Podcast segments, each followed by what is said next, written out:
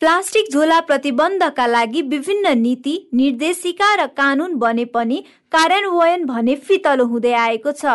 सामान खरिदका लागि बजार पुग्ने उपभोक्ता हुन् वा बिक्री गर्ने पसले किन नहुन्? प्लास्टिकको झोला नै प्रयोग हुँदै आएको छ। उपभोक्ता ललिता कटवाल पुनः प्रयोगमा आउने झोलाको प्रयोगले मात्र पनि वातावरण प्रदूषण रोक्न सहज हुने बताउनुहुन्छ। हामीले सामानहरू किनमेल गर्न जाँदा व्यापारीले जुन दिन्छ हामीले त्यही बोकेको हुन्छौँ होइन? अब निषेध त गर्नुपर्ने हो तर गरिसकेको चाहिँ छैन। तर जस्तो हामी किनमेल गर्न जाँदाखेरि उनीहरूले जे दियो त्यही बोक्ने मात्रै हो। त्यसमा हाम्रो पनि गल्ती त छ। हामीले चाहिँ कपडाको बोकेर जाने हो भने बिस्तारै बिस्तारै सबै कस्टमरहरूले बोकेर जाने हो भनेदेखि चाहिँ बिस्तारै बिस्तारै त्यो हराउन पनि सक्छ। आयातको पछिल्लो तथ्याङ्कले पनि नेपालमा प्लास्टिकको कच्चा निर्यात उल्लेख्य बढेको देखाउँछ। जसबाट सहजै अनुमान लगाउन सकिन्छ नेपालमा प्लास्टिक उत्पादनमा दैनिक वृद्धि भइरहेको छ। काठमाडौँको भ्रिकुटी मण्डपमा व्यापारी कृष्ण प्रसाद भट्टराई सरकारले विकल्प दिन नसकेकाले प्लास्टिक झोलाको प्रयोगमा कमी आउन नसकेको बताउनुहुन्छ।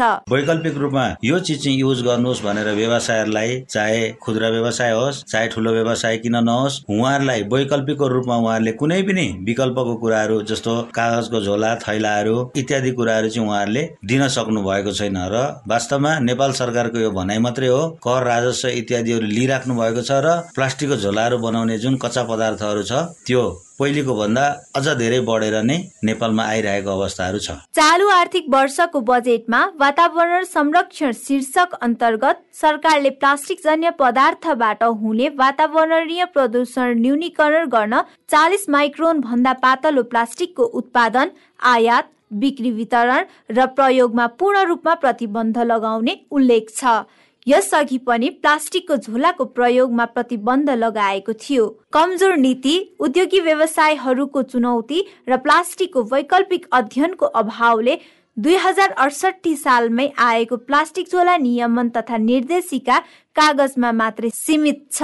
वन तथा वातावरण मन्त्रालयका प्रवक्ता इन्दु विक्रम जोशी दस वर्षपछि पनि निर्देशिका कार्यान्वयनको क्रममा रहेको बताउनुहुन्छ।